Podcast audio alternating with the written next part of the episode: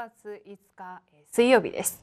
さて今日は常に伝道を味わう方法であります。使徒の働き一章8節です。しかし精霊があなた方の上に臨まれる時あなた方は力を受けます。そしてエルサレムユダヤとサマリアの全土および地の果てにまで私の証人となります。はい、えー、どうすれば常に伝道を味わうことができるのでしょうか。2つのことを考えればよいのです。自分がしている仕事についての専門性と伝道です。私たちは300%の専門性を持つべきです。自分がしている仕事についての100%の専門性。神様と自分の関係についての100%の専門性。現場、畑についての100%の専門性を持たなければなりません。そして常にこれを維持するべきです。そうでなければ他の人を生かすことも伝道することもできません。自分自身が失敗していたんでは伝道はできません。自分が成功してこそ伝道ができます。証人として立つことが伝道です。そうすればどうすればよいのでしょうか。常に伝道を味わう方法について、え今日は専門性という言葉がよく出てきておりますけれども皆さんの産業だとか、えそして皆さんがされているまたいろいろな、え技能だとかまた才能こういうことを考えながら今日のまた祈りの手帳を見ていきたいと思います。さて大きな一番です。聖書66巻から伝道に関することを常に見つけなければなりません。はい、聖書66巻を見ると何度も捕虜戦争などの大きな災いに遭いました。この部分を正しく見てこそ伝道を正しく味わうことができます。なぜイスラエルは続けて災いにあったのでしょうか。その理由を知ればなぜ伝道しなければならないのかがわかるようになります。また御言葉の中で伝道を正しく見なければなりません。福音書に現れた部分と使徒の働き終わりの時代に関する御言葉などをいつも伝道の目で見なければなりません。はい。聖書66巻はすべて救いを中心に記録されております。その救いの契約を握っている時と、そしてまた忘れてしまった時のいろんな種の働きそしてイスラエルの民がどのように導かれていったかっていうことがよく記録されているんですけれども私たちが、えー、今日今日を生きていく中で、えー、どうして伝道について私たち常に考えながらその方法を味わっていかなくてはならないならないのか今日また明確にそれを発見する一日になっていただきたいと思います。で大きな2番です。すべての出来事の中で福音を見つけて味わうべきです。未信者が成功した後に崩れる理由は何でしょうか？今の文化を見ながら伝道に関することを理解すればよいのです。また聖書と事件を正しく見ると常に伝道の目が開かれます。今全世界に起きている教会の問題は何でしょうか？教会の内部で起きている葛藤を見つめると伝道を理解した牧師や信徒があまりいないことを悟るようになり伝道のために祈るようになります。はい。また大きな3番です。人間の内面を覗いてみると常に伝道が見えます。人は外見だけを見てよくわかりません。内面をよく見るべきです。成功した人々の内面を見るとたくさんの悩み事があります。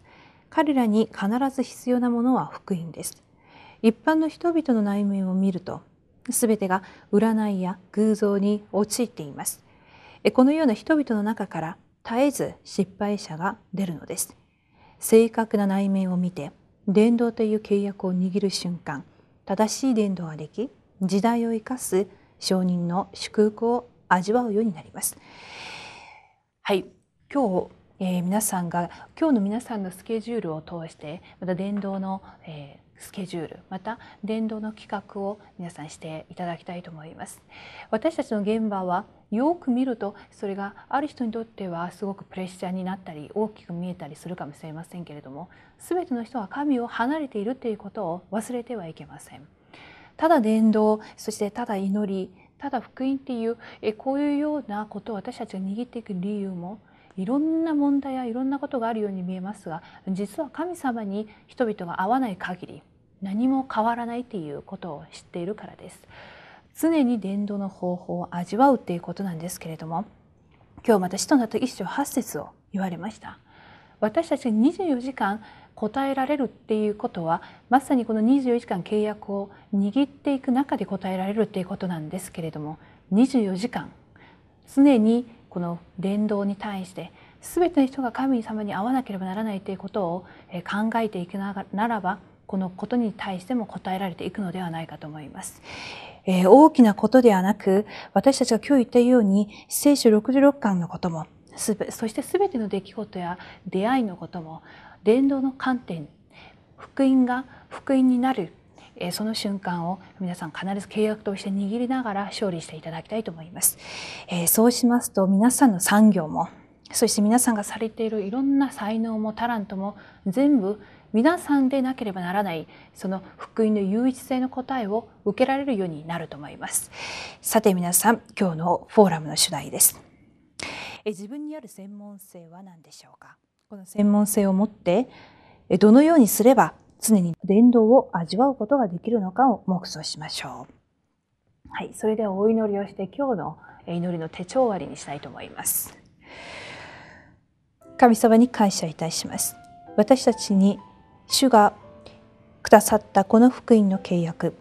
そしてその契約を握っていくために主がいつも私たちと共にいるということを今日御言葉を通してまた教えてくださいました。神様この世の中には神様を離れてしまった文化やそして科学やさまざまな経済そしてそれらによって非常に複雑な世界を作り出しています。その中で生きていく私たちそしてレムナント。こんな世の中で私たちがはっきりとした霊的な識別力を持つためには神様の知恵でまた神様の力でなければ打ち勝つことができません伝道以前にまず伝道について考える一日にさせてください。そして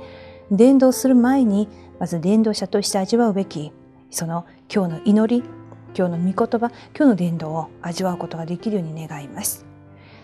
人に一般の人にとって一番良いことは健全な考えをすることだっていうことだったんですがしかしまた主は言われました。その考えを超えるのが神の御言葉そしてそれが成就されるための祈りが最高であると言われました。今日もこの契約を握って24時間伝道を考えるしかない答えに預かるようにどうか私たちに精霊の満たしを与えてください。すべてを感謝して主イエスキリストの皆によってお祈りします。アーメン